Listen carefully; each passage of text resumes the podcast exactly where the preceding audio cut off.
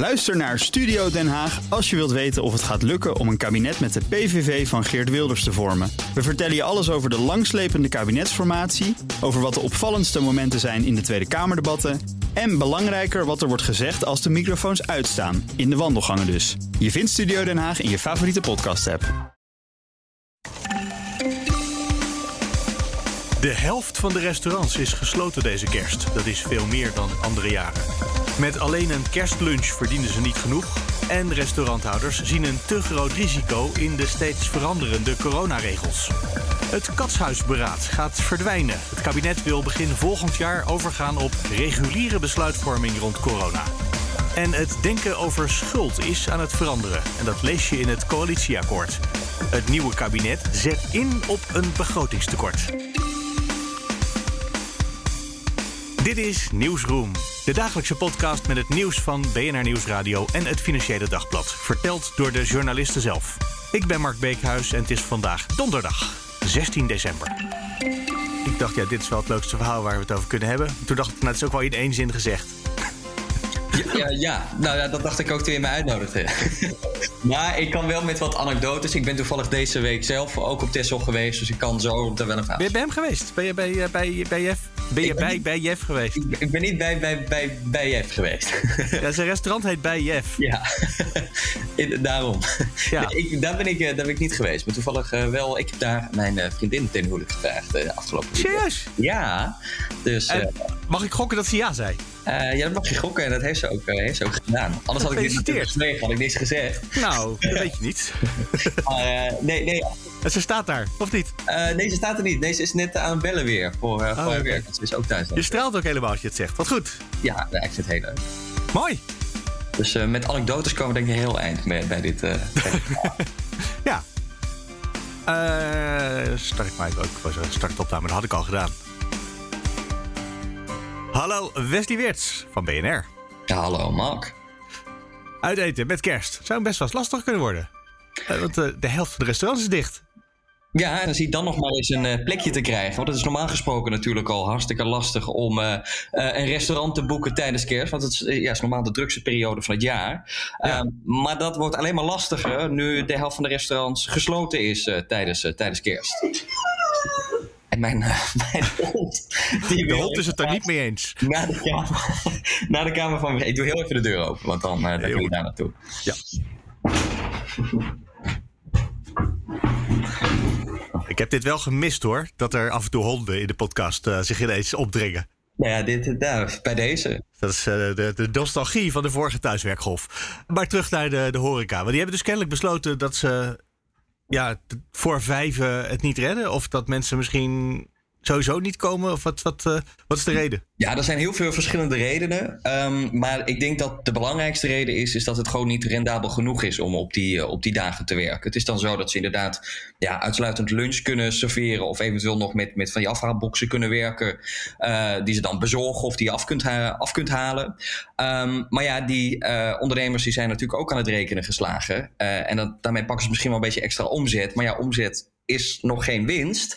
Uh, mm -hmm. uh, en in het ergste geval moeten ze misschien ook nog een beetje inleveren op de steun die ze krijgen. Dus als ze dat hele rekensommetje maken, ja, dan zeggen ze: het is, het is gewoon niet rendabel. Uh, het kost te veel, het levert te weinig op. Dus we blijven gesloten met, met kerst. Dat is een belangrijke reden.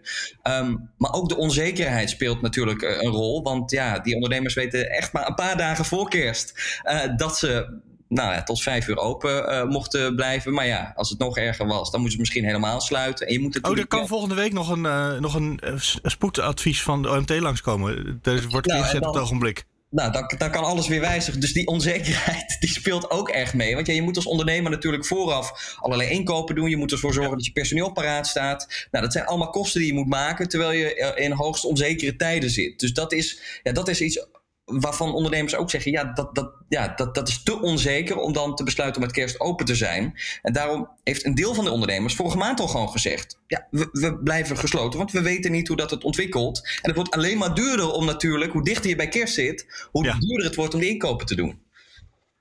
Het lijkt misschien wel een beetje op de aanpak van de schoolsluiting, die ook uh, zo lang mogelijk uitgesteld is, want we willen het eigenlijk niet. En hier ook, ja, ja, je wilt ook niet dat de restaurants dicht moeten. Nee. Maar in het verschil met de scholen en de de, de restaurants is natuurlijk dat de restaurants dan gaan rekenen. Houden we er geld dan over of niet? Kan, kan het uit? Lopen we groot risico? Ja, ik sprak bijvoorbeeld met, met ook een, een ondernemer die heeft uh, op Texel een, een hotel en een restaurant. En uh, je kunt je voorstellen als je daar naartoe gaat. Uh, zegt eigenlijk is ons businessmodel. Mensen die eten hier heel uitgebreid en die blijven daarna hier slapen. Maar ja, als je opeens met kerst in dat hotel zit en je kunt tot vijf uur daar eten. En daarna moet je op je hotelkamer je maaltijd naar binnen werken. Ja, dat is niet voor veel mensen de ideale kerst. dus hij zegt gewoon van ja, ik zag allerlei annuleringen die, die, die, of reserveringen die geannuleerd werden. Uh, simpelweg omdat mensen dat niet zien zitten. Vooral niet, ja, in een normale periode is het al dat je denkt van, nou ja, hè, na vijf uur op je hotelkamer je maaltijd eten. Dat, dat is al niet heel gezellig, maar met kerst, hè, dat is toch de periode dat je het gezellig maakt. Dat je met z'n allen aan tafel gaat zitten, kaarsjes op tafel, muziek op de achtergrond. Ja, dat heb je niet op het moment dat je in je hotelkamer zit. Uh, nee, dus, je ja, kan wel een hele mooie strandwandeling maken dan natuurlijk. Je kunt wel een mooie strandwandeling, maar als het mooi weer is. Uh, dan ja, het moet, het moet niet al te hard regenen dadelijk. en heel hard waaien. Maar, nee, nee, maar ja, dat, dat is niet waarvoor veel mensen met kerst naar een, uh, naar, naar een hotel of naar een restaurant gaan. Of die combinatie. En wat je al zegt, je ziet allerlei, of die, die ondernemers zien allemaal uh, annuleringen van reserveringen. Dat blijkt ook uit twee websites die dat soort reserveringen regelen, hè, waar jullie de gegevens van hebben ja, ingezien? Wat heb je ermee gedaan? Ja, we hebben, nou, we hebben data opgevraagd bij uh, The Fork en bij Eat.nu. Dat zijn uh, nou, restaurantplatforms, reserveringswebsites. En we hebben daar vooral de openingstijden, of we hebben daar gewoon de openingstijden opgevraagd. Um, dus zij kunnen heel goed zien wanneer is een restaurant wel en niet open. Ook omdat restaurants daar hun openingstijden invoeren. En op basis van die data konden we dus concluderen dat bij de helft dicht is met kerst. Terwijl normaal gesproken, voor corona, lag dat op ongeveer 20 van de restaurants die dicht was. Dus dat is echt fors gestegen. Um, door, door, door, mede door al die coronamaatregelen en en, en de lockdown. Uh, en wat zij ook zien uh, in hun data is dat het weliswaar zo is dat die lunch populairder is geworden. Hè? Dus we zijn wel een beetje flexibel. Maar ja, dat is natuurlijk in een normale periode. En veel ondernemers, ja, die geloven er niet in dat wij, zeker met kerstavond, dat is op een vrijdag geloof ik, dat wij dan overdag daar gaan lunchen en dat dat dan voldoende compenseert voor, voor de avond die ze dus kwijtraken door de maatregelen. Ja, en vroeger hadden ze natuurlijk sowieso ook de lunch erbij naast de avond waar je sowieso meer aan verdient. Ja, het was en-en. En nu heb je alleen nog de lunch. Maar ja, dan zou je kunnen zeggen, ja, dat kun je dan deels weer compenseren door, door die pakketten die je s'avonds hebt. Uh, maar ja, goed, um, dat, dat, ik, ik, ik, zag ook een verhaal van een ondernemer die zegt van ja, ik ben al uh, eh, 2,50 euro kwijt, of in ieder geval een paar euro kwijt aan alleen het verpakkingsmateriaal. De marge is sowieso minder, minder groot. En normaal gesproken drink je natuurlijk ook in een restaurant. Ja, en als je zo'n afhaalmenu thuis laat bezorgen, die marge is mede ook kleiner. Uh, omdat mensen ja, niet drinken. En op die drank zit natuurlijk normaal gesproken, daar wordt, daar wordt geld ook mede op verdiend. Ja, dat heb je niet. Want ja, ik trek thuis wel uh, een fles wijn open. Ah, je gaat even naar de supermarkt. Ja, ja, ja, ja, dan ga ik toch even naar de supermarkt, ja. Uiteindelijk kijk je toch ook naar je eigen portemonnee. En dat, ja, dat zien die horeca-ondernemers ja. ook. Ik snap het helemaal. Nou, uh, volgende kerst, uh, nou, dat dachten we vorig jaar ook. Laten we er ja, niet op vooruit lopen. Ik durf ook geen voorspelling meer te doen. Welke letter uit het Griekse alfabet zouden we dan bij zitten? Wesley Weert, dankjewel. Alsjeblieft. Heb je nog iets van het coronadebat gisteren meegekregen? Want iedereen heeft natuurlijk gekeken naar het coalitieakkoord en de presentatie en die dingen. Maar iets van het debat ook nog gezien? Ja, heb ik, uh, nou, ik heb een beetje teruggekeken en een beetje teruggelezen en uh, daar nog een klein stukje afgemaakt. Ja. ja, dat is grappig hè. Normaal zouden we de hele dag programma's maken, pagina's volschrijven in de krant over zo'n coronadebat. Maar ja, er was nu een nieuwe regering ineens. Mm -hmm, precies. Kom, ik ga eventjes zeggen dat jij Maarten van Pol bent, voor ik dat vergeet, van het Financieel Dagblad. En we gaan het hebben over het katshuisberaad onder andere. Dat gaat verdwijnen. De hele aanpak van corona wordt een beetje anders. Misschien na twee jaar eindelijk uh, het idee dat het crisis is. Gaat dat er vanaf? Is dat het goede gevoel? Ja, kijk, ik denk dat uh, of het crisis is of niet, dat hangt, uh, hangt helemaal af van de dagkoersen of de weekkoersen. Maar uh -huh.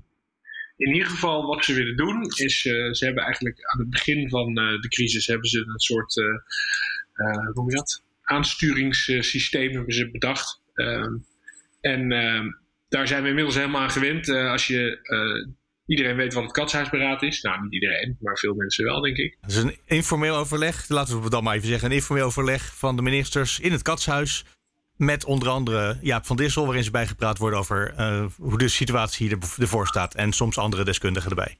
Ja, precies. En dat bestond helemaal niet. Ehm, dus, uh, en daar is ook wel kritiek op, omdat het een beetje uh, ja, buiten de normale orde van, um, van bijvoorbeeld parlementair toezicht en inspraak valt. Dus, Geen notulen? Nee, notulen, dat is het ook al een gevoelig dingetje. Of zijn het notulen, Mark? Ik weet het nooit. Maakt niet uit. Als jij even doorpraat, kijk ik even op vandalen.nl. maar uh, ja, nee, dus dat is, dat is altijd wel een teerpunt gebleven. Uh, ja, en uh, wat ze nu dus eigenlijk willen doen, is daar eh, vanaf begin volgend jaar van afstappen. Dat heeft de Tweede Kamer ook nog gevraagd in een motie. En uh, dat gaan ze nu na een transitieperiode weliswaar, maar ze willen er begin volgend jaar mee beginnen om terug te gaan naar ja, de normale besluitvorming eigenlijk. Van Dalen zegt dat het allebei mag. Ah, notulen of notulen. Dat het Dat is fijn voor ons dat we het altijd goed hebben. Uh, terug naar, die, zijn er, die notulen zijn er in elk geval niet. En dat is iets wat uh, komt doordat ze ineens zo'n informele truc hadden bedacht. om een andere manier om te vergaderen met elkaar. Precies. Dat gaat verdwijnen. Uh, gaat dan ook zeg maar, de, de, de aanpak met persconferenties en alles, gaat dat er dan ook uit? Of weten we dat nog niet? Maar ze willen in de communicatie ook meer naartoe naar leven met het virus. Um, en ja, dat is misschien een beetje. Uh, kijk, hier is om gevraagd om deze uh, verandering door. Dit wil de Tweede Kamer graag. Um, en er is ook wel bredere behoefte aan, denk ik.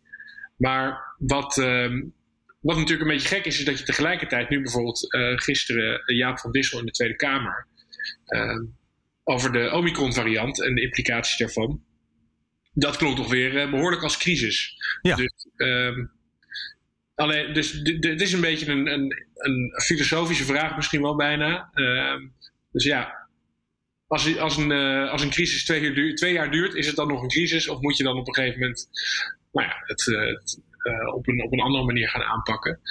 Maar het zegt natuurlijk niks over de maatregelen en zo. Het, het is puur, gaat het over de aansturing eigenlijk. En misschien zegt het wel iets over de, de wispelturigheid van de maatregelen iets waar nu even over geklaagd wordt. Eh, we horen net in deze podcast een uh, item over de restaurants die met eh, kerst maar gewoon dicht gaan. Want ja, je weet niet of je volgende week wel of niet open mag zijn. En de week daarna, er kan nog weer een spoedadvies van het OMT tussendoor komen. misschien dat dat er een beetje uitgaat omdat het gewoon normaal parlementaire processen krijgt? Ja, dat betekent natuurlijk ook dat, uh, dat het allemaal wat langer duurt. Dus dan kan je ook wat minder makkelijk ad hoc uh, maatregelen instellen, weer intrekken, dat soort dingen. Dus dat zou wel dat effect kunnen hebben, dat het allemaal wat voorspelbaarder wordt ook. Nou, dat klinkt wel alleen maar als positief in oren. Ja, dat, dat, dat is inderdaad. Nou goed, dus dat, dat heeft het voordeel inderdaad dat het dus uh, wat minder uh, voor verrassingen zorgt. En misschien als nadeel dat het ook wat minder wendbaar is. Dat uh, wend, wendbaarheid en, nou goed, en, en dingen als fijnmazigheid en zo, dat zijn natuurlijk dingen die we heel veel hebben gehoord de afgelopen twee jaar. Um, en ja, daar zit wel misschien iets van een uitruil in. Het betekent ook waarschijnlijk dan dat er niet meer eerst een persconferentie komt. Waarin de regering de Tweede Kamer uh, ja, confronteert met besloten uh, besluiten, genomen besluiten. waarna de Kamer er nog best een dag over mag vergaderen. Wat ze gisteren ook gedaan hebben, terwijl wij allemaal naar andere dingen keken. Maar in de praktijk daar niet meer zoveel aan kan veranderen. Want we hebben dat andere al tussen de oren zitten. Ja, precies. Nou, dat is. En, en daar ging dan natuurlijk ook nog aan vooraf. Dat je vooraf aan het katshuis over. Er werd vaak al veel gelekt. In de aanloop eigenlijk naar die persconferentie. En dan was de dag daarna. Was, mocht de Tweede Kamer er pas wat van vinden. Ja. Maar dan was het allemaal eigenlijk al zo. Ehm, was iedereen al zo gewend aan het idee van wat er ging komen. Dat het misschien. dat bijsturen misschien niet zo heel veel zin meer had. Dus ja, dat, dat, dat gaat nu ook veranderen als het goed is. Ja, ik dat, is natuurlijk, eh, dat is natuurlijk, de Tweede Kamer vond dat natuurlijk niet leuk. Die voelde zich uh, buiten spel gezet. Ja, dat waren ze naar de letter van de wet niet, maar in de praktijk toch wel een beetje. Ja, dat zou je ook kunnen zeggen, denk ik. Ja. ja, ik denk wel dat het heel handig is dat ze het zo gedaan hebben. Ook al is het misschien niet helemaal netjes. Gewoon dat je uh, mensen even een dag laat wennen aan hele rare maatregelen. En dat je soms het als een proefballonnetje denkt, nou die ene was kennelijk toch niet stevig genoeg of te hard. Dan moeten we nog iets aan uh, tweaken last minute? Ja, wat je natuurlijk daar tegenover staat, is natuurlijk dat je, uh, als er zoiets lekt, dan uh, gaan alle belangengroepen die gaan, die gaan vol op het orgel. Ja. Om te proberen bij te sturen. En dus het is, aan de ene kant is het de geest rijp maken, maar aan de andere kant stel je ook wel bloot aan ja, dus enorme, nog een enorme lobby.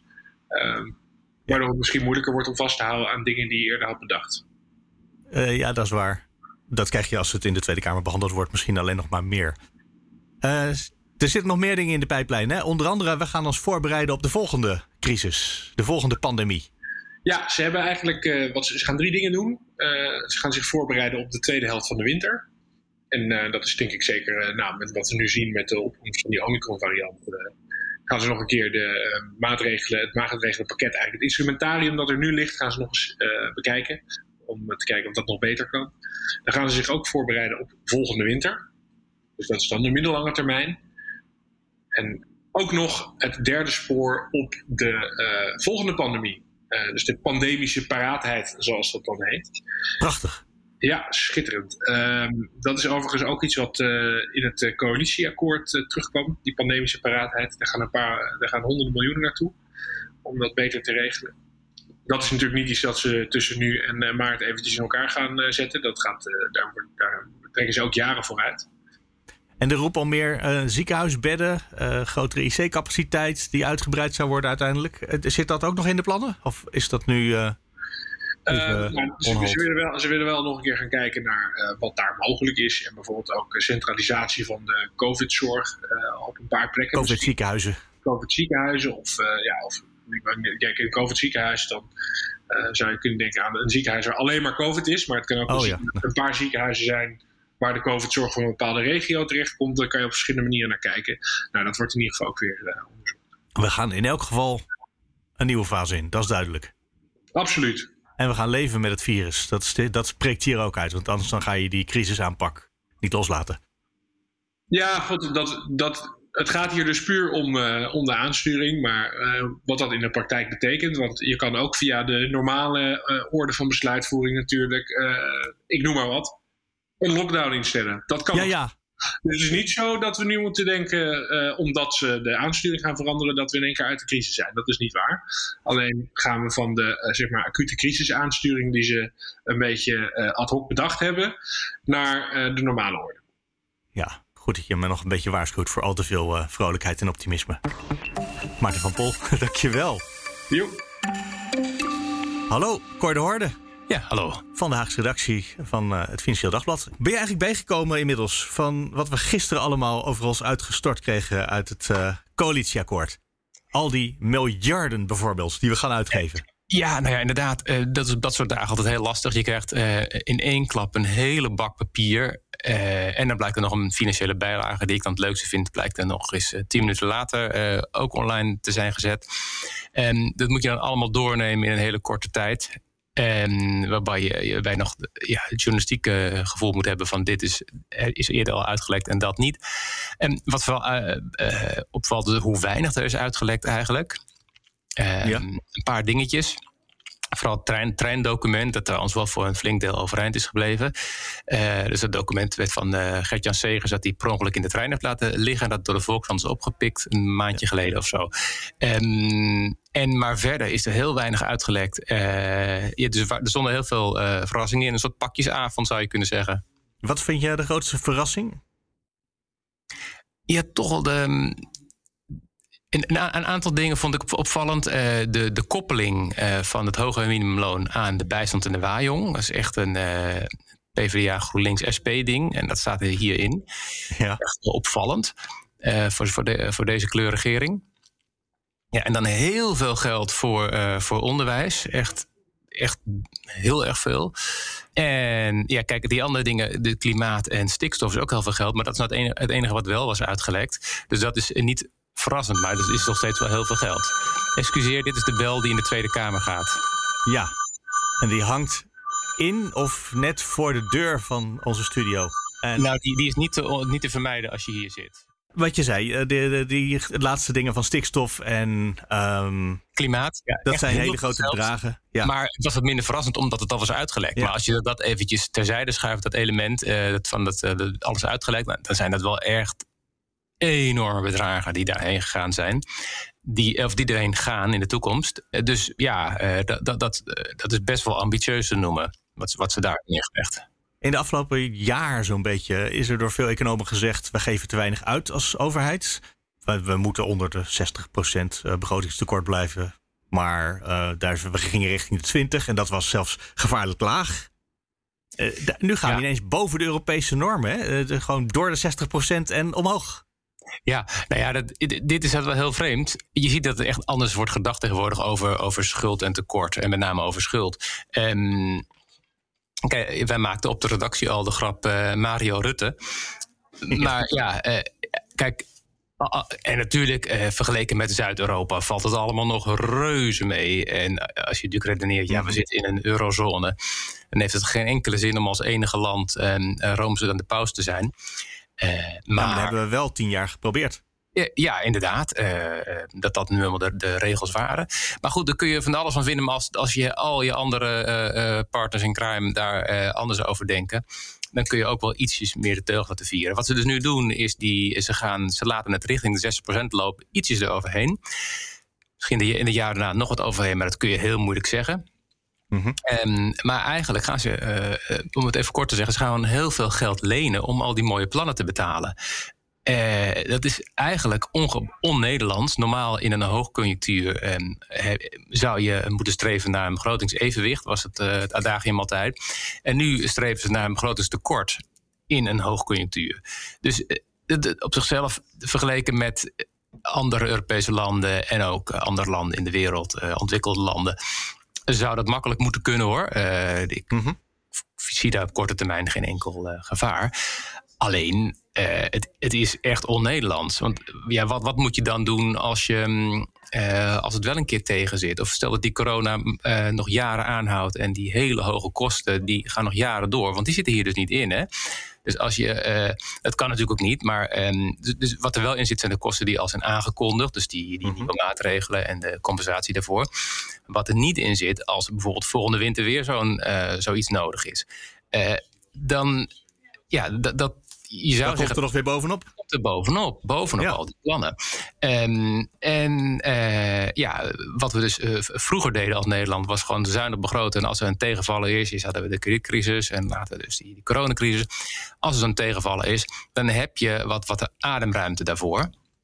Uh, en nu um, heb, doen we dat dus niet meer. Ervan uitgaande dat we dan gewoon nog veel, veel meer kunnen lenen. Want dat, dat, dat kan toch. En dat, dat kan toch. En dat is niet wat we gewend zijn in Nederland. Nee. Maar het kan toch ook echt? Ik bedoel, of kan dat uh, zomaar ineens klaar zijn en voorbij? Ja, nu. Um, met de kennis van nu. Met de kennis, kijk, met de kennis nu kan, kan het zo. ik, ik, ik, verbaas me hier persoonlijk wel een beetje over. Um, dat dat kan. Uh, ja, als dit. Ik, ik, ik zit meer van wat moet je, uh, waar moet je nog ooit de politieke moed vandaan halen om uh, hervormingen door te voeren, om bezuinigingen door te voeren? Want ja, um, je kunt dus altijd zeggen: Oh, ik ga meer lenen. Laten we eerlijk wezen, de landen die dit al jaren doen, dat zijn ook de landen die altijd eerst in de problemen komen. Die hebben nu een schuld van 100, 150 procent. Um, en die, die hadden ook dat coronafonds het hardste nodig, omdat ze op een gegeven moment bang waren niet meer op de kapitaalmarkt terecht te, te kunnen. En die hebben ook um, hele hoge werkloosheid en dergelijke. Dus het, het, is kennelijk geen toverstokje, gewoon de schuld laten oplopen en, en, en mooie plannen uh, maken. Dat is in dit akkoord nog niet zo ver. Het is alleen, we gaan een klein beetje die kant op. Maar die, uh, die landen in het zuiden die kregen dan zure reacties van onder andere onze minister van Financiën, Hoekstra. Betekent dat als je dit zo door die bijlagen, de financiële bijlagen heen bladert, dat je daar eigenlijk aan ziet dat Hoekstra niet bij financiën terug zal komen? Dat is iets te kort de bocht, denk ik. Maar ja, dat het zo niet bij hem past? Het past zo niet bij hem, dat is waar inderdaad. Tegelijkertijd, eh, zoals ik al zei, het denken is aan het veranderen uh, onder economen, onder politici. En mede ook door die enorme hoge uh, uh, schuldniveaus overal in de wereld, die kennelijk wel houdbaar zijn, zeker met de huidige rente. Ook als er nog een procent bij komt, een procent, dat zou al mega zijn. Hè? Ja, en daar zitten we nog lang niet. En daar zitten we nog lang niet. En, nee. een, en dat 1% kunnen we nog makkelijk dragen. Dus daar zit een. Um, er zit, daar, heerst, daar begint steeds meer, ook bij de meer conservatieve partij, het gevoel te overheersen. Ja, het kan. Dus waarom moeten wij dan eh, enorm uh, onszelf uh, kastijden door de hand te knip te houden, terwijl het, het gewoon die ruimte er is? Ja, aan, aan de andere kant, uitgeven vinden wij volgens mij hartstikke moeilijk in ons land. We hebben een paar van die hele grote, dure fondsen opgericht om dingen aan te jagen en te investeren. Dat gaat minder snel dan we dachten. Uh, regelmatig hoor je dat het ministeries niet lukt om hun budget op te maken. Of met, om plannen, ja, om Om, nou, bijvoorbeeld voor, voor het onderwijs, er was heel veel geld vrijgemaakt, maar die scholen vinden het moeilijk om heel snel heel veel miljarden uit te geven. dit zijn ook hele ambitieuze projecten aan de kant van het uitgeven. Nou, dat is een leuk punt dat je noemt. Want in Nederland hebben we een extreem krappe arbeidsmarkt, eh, zo ongeveer nog, op alle ja. Eh, terreinen. En, en wat je nu gaat doen, is extra geld in de economie pompen.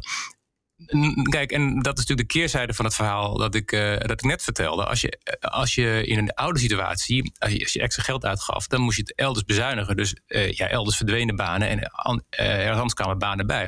Maar nu ga je bovenop de huidige krappe arbeidsmarkt, ga je gewoon extra vraag in de markt zetten. Uh, zonder daar uh, vraag uitval aan de andere kant tegenover te zetten in de vorm van een bezuiniging. Uh, dus ja, als je nu twee rechterhanden hebt, dan is je kostje gekocht. want als monteur van al die, um, al die klimaatapparaten, want dan, dan, heb je het over niet alleen warmtepompen, maar ook over nieuwe, nieuwe warmteleidingnetten, nieuwe elektriciteitsnetten ja. en dergelijke ingenieurs die, die in ieder geval de eerste proeven van een schets van een kerncentrale moeten gaan maken. Want dat gaat allemaal heel lang duren. Um, dus ja, um, uh, er is een van de punten is het arbeidstekort. Ten tweede heb je in Nederland natuurlijk procedures. Ja, het is toch een, um, een democratische rechtsstaat, uh, waardoor het allemaal heel lang kan gaan duren.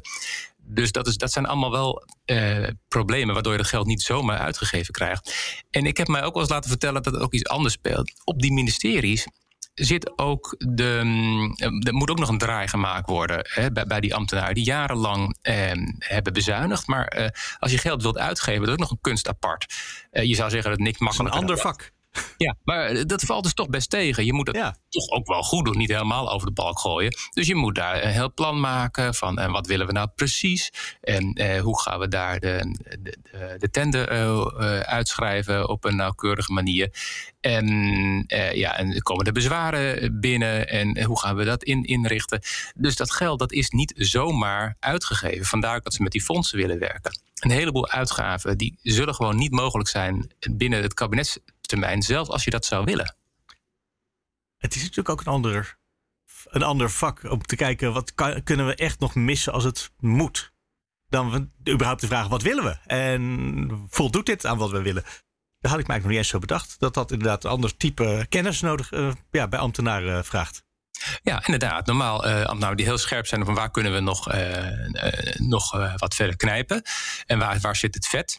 Uh, dat zal ongetwijfeld als het overbodig vet is moeten. Maar op andere terreinen moeten ze nu opeens geld gaan uitgeven. Bijvoorbeeld bij Defensie is het ook niet gelukt, waar ook wat meer geld heen ging. Nu nog veel meer geld. Uh, maar ja, een nieuwe onderzeeboot kopen, om maar een actueel voorbeeld te noemen. Dat doe je niet zomaar. Er moeten gaan jaren studie aan vooraf. Ja, en dergelijke. En dan moeten die, en als die boot er eenmaal is, dan heb je opleidingen nodig voor, voor de bemanning en dergelijke. Ja. Dus het geld heb je niet zomaar uitgegeven. Eh, dus dat is inderdaad wel een, een uitdaging, maar natuurlijk wel een luxe uitdaging. Kort orde. Dankjewel. En dank. Dat was hem voor vandaag. De show notes vind je op bnr.nl/slash nieuwsroom. En daarbij staat ook altijd het e-mailadres voor als je wil reageren. En dat deed bijvoorbeeld Wim. Hij reageert op de aflevering van Uit het Hoofd twee dagen geleden. Waarin Karel Grol vertelde over de subsidie voor zonnepanelen op daken die heel vaak aangevraagd wordt, maar daarna nooit uitgekeerd, omdat na de aanvraag de zonnepanelen helemaal niet aangelegd worden. En een van de redenen is dat daken soms toch niet stevig genoeg blijken om daar zonnepanelen op te leggen. En daar heeft Wim, raadgevend ingenieur en innovator, een oplossing voor. Die eigenlijk te simpel klinkt voor woorden. Door demontabele losse kolommen te monteren bij grote overspanningen kan je het draagvermogen van bijna alle daken fors versterken. Met het plaatsen van één of twee stalen profielen lukt dat vrij snel en goedkoop. Voor wie zo'n aanvraag gedaan heeft en dacht: die zonnepanelen, het gaat toch niet lukken? Misschien helpt dit. Morgen zijn we er weer en dan is het alweer vrijdag. Maken we weer een nieuwsroom Den Haag. Heel graag tot dan.